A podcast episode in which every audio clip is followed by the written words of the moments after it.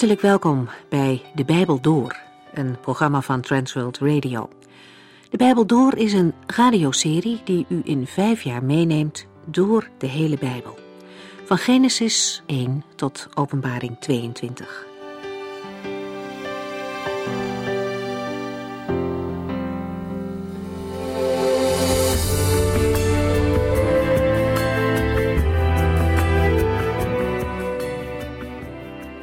Vandaag, lieve mensen, sluiten we het boek Nehemia af. Na de feesten die gevierd zijn in Nehemia hoofdstuk 8, hebben we hoofdstuk 9 gelezen over een dag van verootmoediging. Dit hoofdstuk bestaat grotendeels uit een gebed, waarin men terugkijkt op het verleden. God krijgt de eer als verteld wordt over zijn trouw, zijn trouwe zorg voor het volk. Over alle keren dat hij zijn volk heeft gered van hun vijanden. Het is overduidelijk dat ondanks de ontrouw van zijn volk, God steeds weer zijn handen naar hen uitgestoken heeft om zijn volk te redden en te zegenen. Er is ook de erkenning dat het volk zelf in het verleden vaak de Heere in de steek heeft gelaten en zonder hem verder ging. Dat men opstandig was en koos voor de afgoden, ondanks alle zorg en liefde die God gaf. Deze verootmoediging, dit inzien van fouten en daar spijt van hebben, is de stap naar een echte geestelijke opleving. Vandaag lezen we verder over de vernieuwing van het verbond. Het volk kiest ervoor om zich weer van harte toe te wijden aan de Heere. Dat gaat samen met een oprechte verootmoediging. Het valt ook op dat de leiders in dit hoofdstuk meer op de achtergrond staan en het volk zelf meer naar voren komt. Verootmoediging en terugkeer naar de Heere is iets van elke gelovige, van elk mens persoonlijk. Opwekking ontstaat in harten van mensen die zich oprecht tot God keren.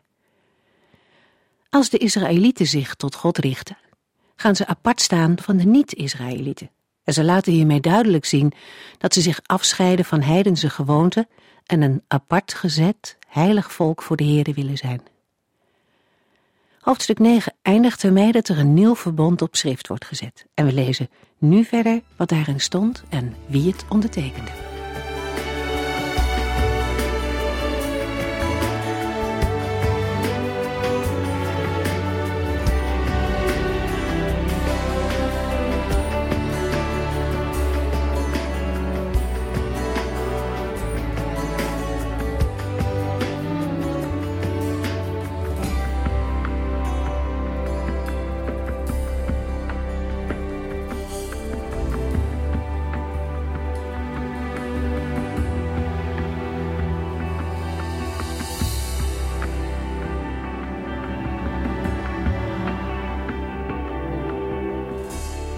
Het gebed in Nehemia 9 vormt de inleiding op de verbondsvernieuwing die in Nehemia 10 beschreven staat.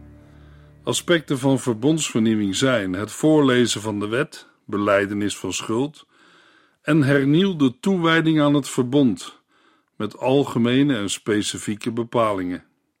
Tegen de achtergrond van de rampspoed die het volk heeft getroffen en de slavernij onder de Perzische koningen rekent het Joodse volk op de trouw van God en wijdt het zich toe aan de Torah en de Tempel.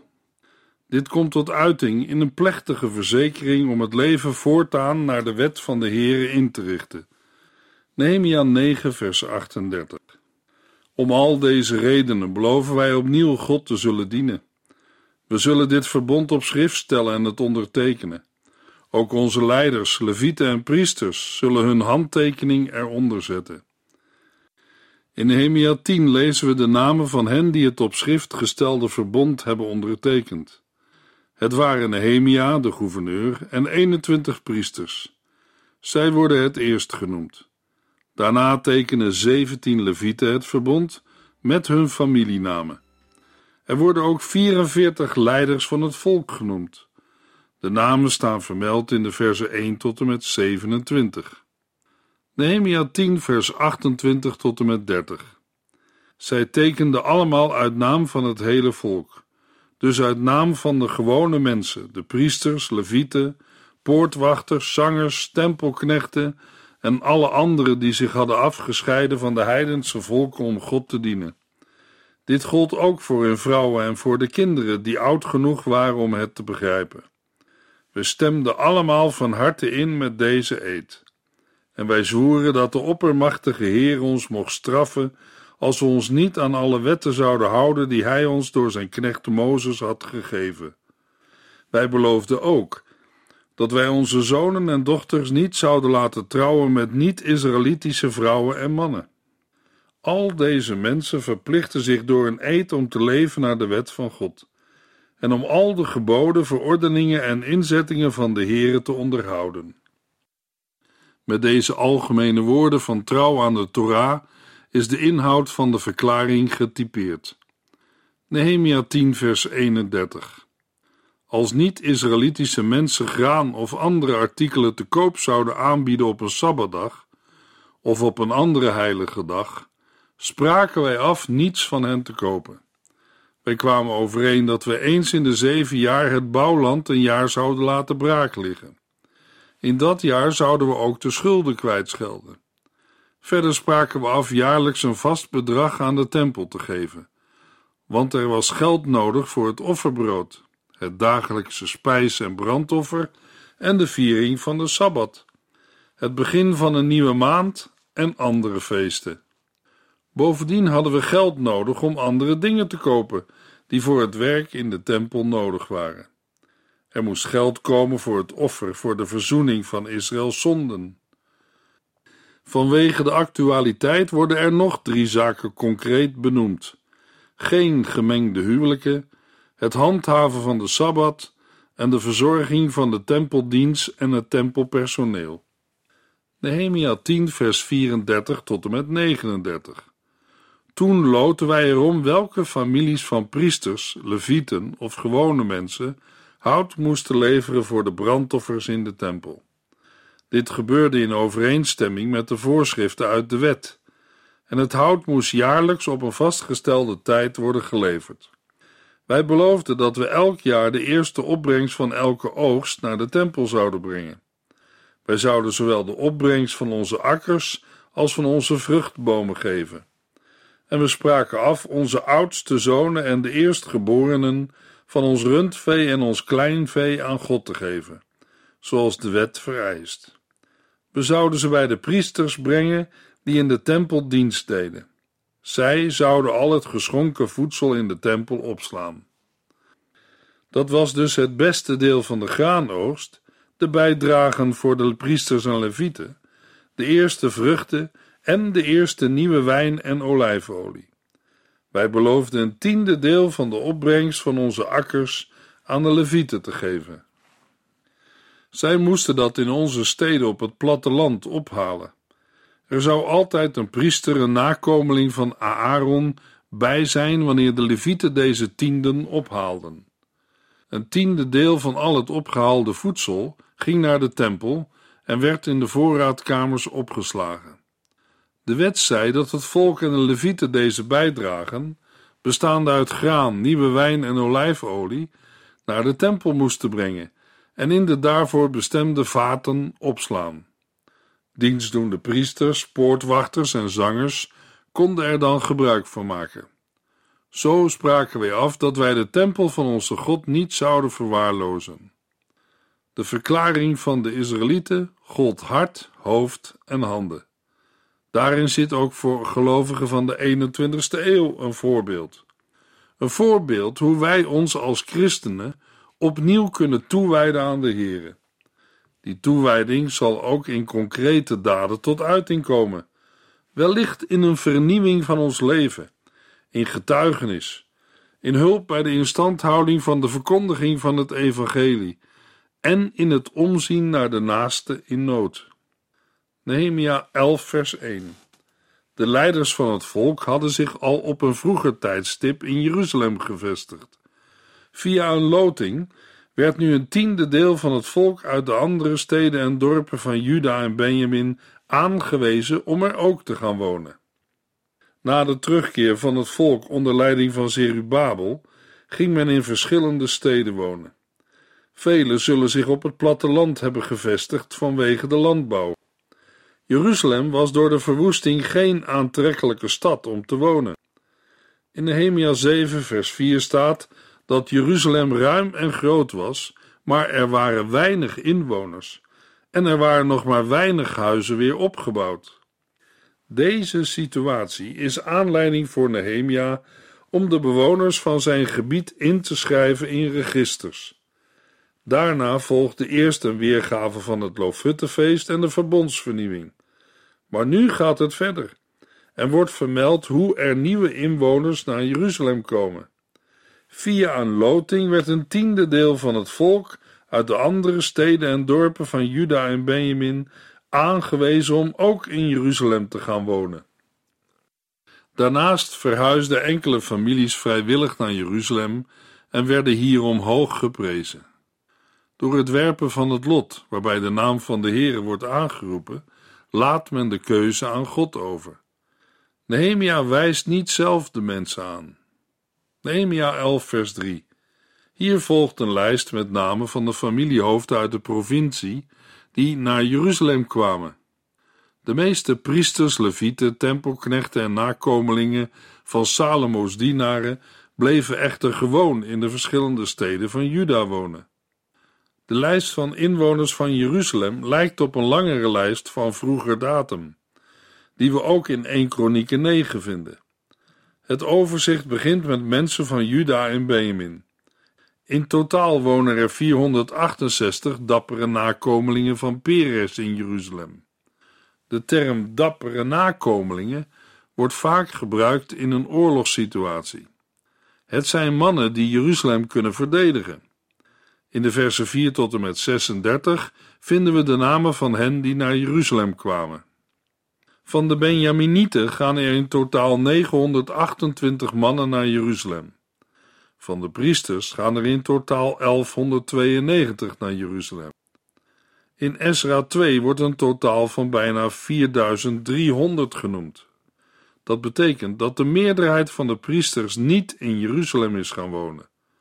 Dit kan in overeenstemming zijn met een vroegere regeling uit Jozua 21, waarbij dertien steden aan de priesters waren toegewezen in het gebied van Juda, Simeon en Benjamin. Het totaal aantal levieten dat in Jeruzalem gaat wonen is 284. Hierna komen de poortwachters. Zij horen ook bij de levieten. Het gaat om 172 man. Net als in vers 3 wordt aandacht gevraagd voor het overige volk. Zij, de andere priesters, levieten en het gewone volk woonden daar waar het land lag dat aan hun familie behoorde. De tempelknechten woonden op de heuvel Ophel in Jeruzalem. Uzzi, de zoon van Bani, is hoofd van de levieten in Jeruzalem. Hij was een nakomeling van Asaf. De nakomelingen van Asaf waren tempelzangers. In Nehemia 11, vers 23 en 24 wordt nog meegedeeld dat er een koninklijk besluit is waarin de diensten van de zangers van dag tot dag zijn geregeld. Daarnaast wordt vermeld dat Petachia uit de familie van Serach adviseur is van de koning in alle kwesties die betrekking hebben op het algemeen bestuur. Na de inwoners van Jeruzalem worden er in de versen 25 tot en met 36 plaatsen genoemd waar leden van de stammen Juda en Benjamin wonen. Als we aan het eind van Nehemia 11 de lijst met namen van de bewoners van Jeruzalem nog eens op een rijtje zetten, dan moeten we constateren dat er diverse problemen zijn met deze lijst. Een aantal zijn op te lossen door aan te nemen dat sommige van de steden die worden genoemd een gedeeltelijke Joodse bevolking hadden. Maar daarmee is de lijst niet compleet en ligt de meeste nadruk op de steden waar de priesters en de levieten wonen. Nehemia 12 vers 1 Hier volgen de namen van de priesters, die waren meegenomen met Serubabel, de zoon van Sealtiel en Jezua. Het overzicht van de Joodse inwoners van Juda en Benjamin in Nehemia 11 wordt in Nehemia 12 gevolgd door lijsten van priesters en levieten. Het zijn namen uit de tijd van de eerste terugkeer onder leiding van Zerubabel. En voor een deel ook namen van priesters en levieten uit een latere periode. Ze worden in Nehemia 12 genoemd in relatie tot de herbouw en de inwijding van de muur rondom Jeruzalem. Daarmee wordt verleden en heden met elkaar verbonden. De inwijding van de muur is voor de teruggekeerde ballingen het hoogtepunt van een lange rij inspanningen. De lijst bevat eerst een datering en noemt daarna de leiders van de priesters en levieten die meekwamen uit Babel. Dan lezen we de namen van de hoge priesters en volgen de namen van de familiehoofden van priesters die dienst deden onder de hoge priester Joachim. En tot slot de namen van de Levitische stamhoofden in dezelfde periode. De namen in Nehemia 10 en 12 vertonen veel overeenkomsten. Maar er zijn namen weggelaten. Er ontbreken namen en soms is er een verschil in schrijfwijze. Daarmee zijn nog niet alle vragen rond de verschillende lijsten in Esra en Nehemia opgelost, maar zijn wel de hoofdlijnen en knelpunten aangegeven. Nehemia 12, vers 26. Deze mensen waren tijdgenoten van Joachim, de zoon van Jesua, de zoon van Josadak en van mij, gouverneur Nehemia, en van de priester en geestelijke leider Esra. Ter afsluiting wordt opgemerkt dat de genoemde personen tijdgenoten zijn van Joachim, de zoon van Jesua, de zoon van Josadak, van de gouverneur Nehemia en van de priester en geestelijk leider Esra. Daarmee wordt niet een enkel moment aangeduid, maar een periode. Nehemia had ook te maken met Eljashib, de zoon van Joachim. En Ezra was al in Jeruzalem voordat Nehemia er arriveerde. Het is mogelijk dat enkele levieten al actief waren rond 460 voor Christus en nog dienst deden in 445 voor Christus. Ezra en Nehemia worden hier niet in chronologische volgorde genoemd, maar Nehemia wordt als gouverneur en landvoogd het eerst vermeld. Voor moderne lezers valt het niet mee om de betekenis van deze namenlijsten te zien. Voor de Joodse lezers moeten veel namen bekender zijn geweest dan voor ons. Al de genoemde namen van priesters en levieten getuigen van een voortgaande lijn naar het heden. Uit deze continuering blijkt de trouw van God. Nehemia 12, vers 27. De tijd brak aan waarin Jeruzalems nieuwe stadsmuur zou worden ingewijd. Alle levieten kwamen naar Jeruzalem om te helpen bij de plechtigheden. Zij droegen bij aan de feestelijkheden door lofliederen te zingen, zichzelf begeleidend met bekkens, harpen en citers. Vanuit de omringende dorpen en de dorpen bij Netova kwamen ook de zangers naar Jeruzalem. In Nehemia 12 is het hoogtepunt bereikt van de Bijbelboeken Esra en Nehemia. Jeruzalem, de heilige stad, heeft een beschermende muur gekregen en nu wijdt een geheiligd volk die muur toe aan de Heere. Nehemia 12 vers 30 en 31 De priesters en levieten reinigden niet alleen zichzelf, maar ook het volk en de muur met zijn poorten.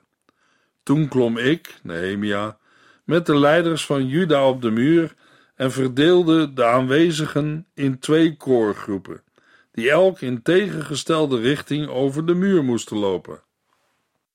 Tijdens het lopen moesten zij lofliederen zingen. In de versen 32 tot en met 39 wordt meer informatie gegeven over de twee koorgroepen, de instrumenten die worden bespeeld en de route die de koorgroepen hebben gelopen. De beide koren vervolgden hun weg tot op het tempelplein. Nehemia 12 vers 43 Op die vreugdevolle dag werden heel veel offers gebracht, want God had ons grote blijdschap geschonken. Ook de vrouwen en kinderen deelden in de feestvreugde. Het feestgedruis in Jeruzalem was tot in de verre omtrek te horen. De muur van Jeruzalem is geen monument om de kracht van Israël te laten blijken, maar Gods geschenk en een teken van zijn aanwezigheid in de stad en het land. De zangkoren loven en prijzen de Heere, want Hij is de gever van de grote blijdschap. Tot in de verre omtrek wordt dit publieke getuigenis gehoord. Ook de tegenstanders zullen het hebben gehoord. In de laatste hoofdstukken van Nehemia komen viering, dankzegging en toewijding sterk naar voren. De toewijding in de verbondsvernieuwing krijgt concreet gestalte aan het eind van Nehemia 12 in de regeling voor de bijdrage ten behoeve van de verschillende tempeldienaren. Bij de lofprijzing in Nehemia 12 wordt gebruik gemaakt van zang met ondersteuning en begeleiding van muziekinstrumenten. In onze tijd staat lofprijzing opnieuw in de belangstelling. Het zingen is vooral in Joodse en christelijke kring ontwikkeld en veel minder in andere godsdiensten. Het is belangrijk om de Heere met hart en mond te loven en Hem eer te geven. Vanuit het Bijbelboek Nehemia is het belangrijk om te zien dat breken met de zonde, vernieuwde toewijding aan de Heere en geestelijke reiniging voorafgaan aan de lofprijzing en gevolgd kan worden door concrete financiële toezeggingen. Ook christenen mogen vreugde hebben. Ook zij behoren zich aan Christus toe te wijden, al kunnen daarbij moeiten en zorgen nog steeds worden ervaren, net zoals Nehemia dat heeft gehad. Uiteindelijk loopt alles uit op de vreugde in en op de lof aan de Heere. Nehemia 13 vers 1 en 2 In die tijd werd het volk voorgelezen uit de wetten van Mozes. Zij ontdekten daarin de bepaling dat Ammonieten en Moabieten zich niet bij de gemeenschap van God mochten aansluiten. De reden van dit verbod was dat zij destijds het volk Israël geen gastvrijheid hadden betoond. Ze hadden zelfs iets veel ergers gedaan. Ze hadden Biliam gehuurd om Israël te vervloeken. Maar onze God had de vervloeking in een zegen veranderd. Meteen nadat deze regel was voorgelezen, werden alle vreemdelingen uit de bijeenkomst verwijderd. Nehemia 12 eindigt met regelingen voor de eredienst. In Nehemia 13 lezen we dat Nehemia een aantal zaken op orde moet brengen. Ammonieten en Moabieten mogen zich niet bij de gemeenschap van God aansluiten. Dat had de Heer in de wet bepaald. Daarom moet er nu, als daad van gehoorzaamheid aan de Heere, een scheiding worden aangebracht. Deze afzondering of scheiding is niet zozeer een rassenkwestie, als wel een maatregel om de dienst van de Heere zuiver te bewaren. De achtergrond is de geschiedenis van Biliam, die we hebben gelezen in nummer 23 en 24. Ook voor de nieuwtestamentische gelovigen blijft het van belang zich onbesmet van het kwade te gedragen. Paulus zegt aan het slot van Romeinen 16, vers 19: Ik wil graag dat u steeds meer vertrouwd raakt met het goede en dat u zich in geen enkel opzicht inlaat met het kwade. Nehemia 13, vers 4. Enige tijd voor deze gebeurtenis had de priester Eljasib voor zijn vriend Tobia een prachtig vertrek in een van de voorraadkamers laten inrichten. Eljasib was aangesteld als beheerder van de voorraadkamers in de tempel. Vroeger werd de voorraadkamer gebruikt als opslagruimte voor de inkomsten van de levieten, zangers en poortwachters. Het voorval heeft plaatsgevonden toen Nehemia niet in Jeruzalem was, maar in Babel. In de versen 4 tot en met 9 wordt de geschiedenis verteld, inclusief de maatregelen waartoe Nehemia opdracht gaf toen hij weer terug was in Jeruzalem. Uit Nehemia 2 vers 10 weten we dat Tobia een Ammoniet was. Eljasib had hem een kamer in het tempelcomplex gegeven terwijl de Heere had bepaald dat Ammonieten en Moabieten zich niet bij de gemeenschap van God mochten aansluiten. Na reiniging wordt alles in de oude staat hersteld en is de kamer weer een voorraadkamer. Nehemia 13 vers 10 Ook hoorde ik nog iets anders. De levieten hadden niet ontvangen wat hun wettelijk toekwam. Daarom waren zij en de zangers die de erediensten behoorden te leiden teruggegaan naar hun eigen akkers. Nehemia roept de leiders ter verantwoording en vraagt waarom het huis van God aan zijn lot is overgelaten. Daarna brengt hij de levieten weer bij elkaar en draagt hen hun eigenlijke taak weer op. Dan brengt heel Juda de tiende weer naar de voorraadkamers.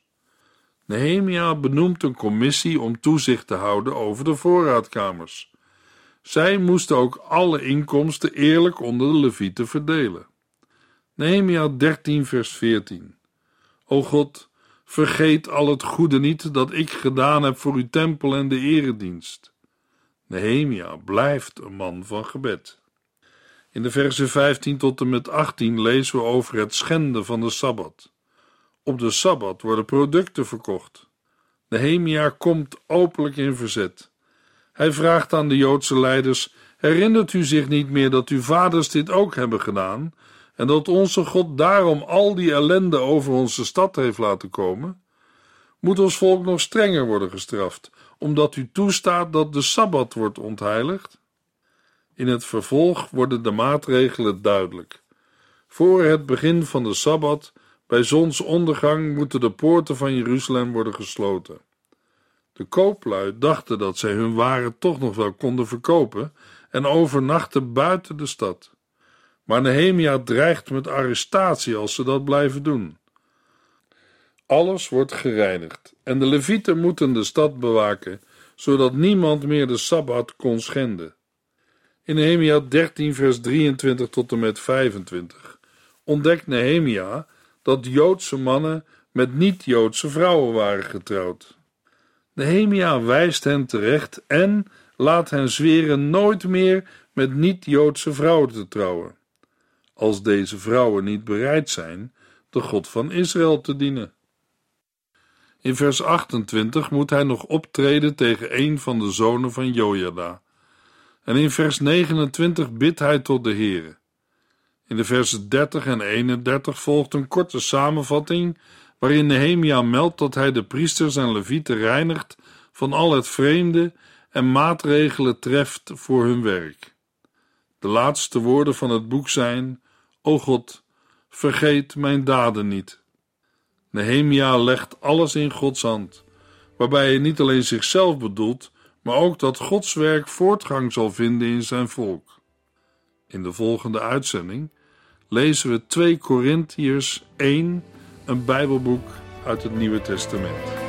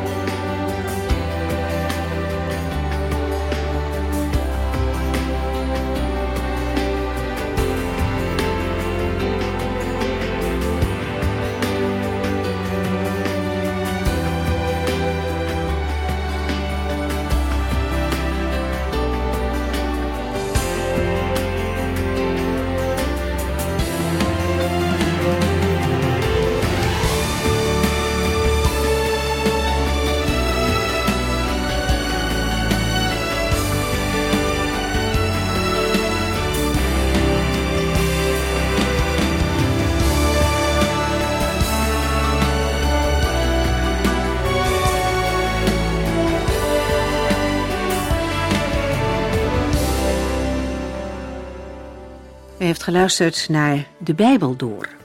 In het Nederlands vertaald en bewerkt door Transworld Radio. Een programma waarin we in vijf jaar tijd de hele Bijbel doorgaan. Als u wilt reageren op deze uitzending of u heeft vragen, dan kunt u contact met ons opnemen. Tijdens kantooruren kunt u bellen op 0342 47 8432. 0342 47 8432. 32. Ook kunt u een e-mail sturen naar de Bijbel door transworldradio.nl en natuurlijk kunt u ook via de post ons bereiken. TWR, postbus 371, postcode 3770, AJ in Barneveld. Dit programma werd gepresenteerd door Cor Weda en Ike André. Techniek was in handen van Odin van Woerdekom. En wij allemaal bedanken u voor het luisteren. Graag tot de volgende keer.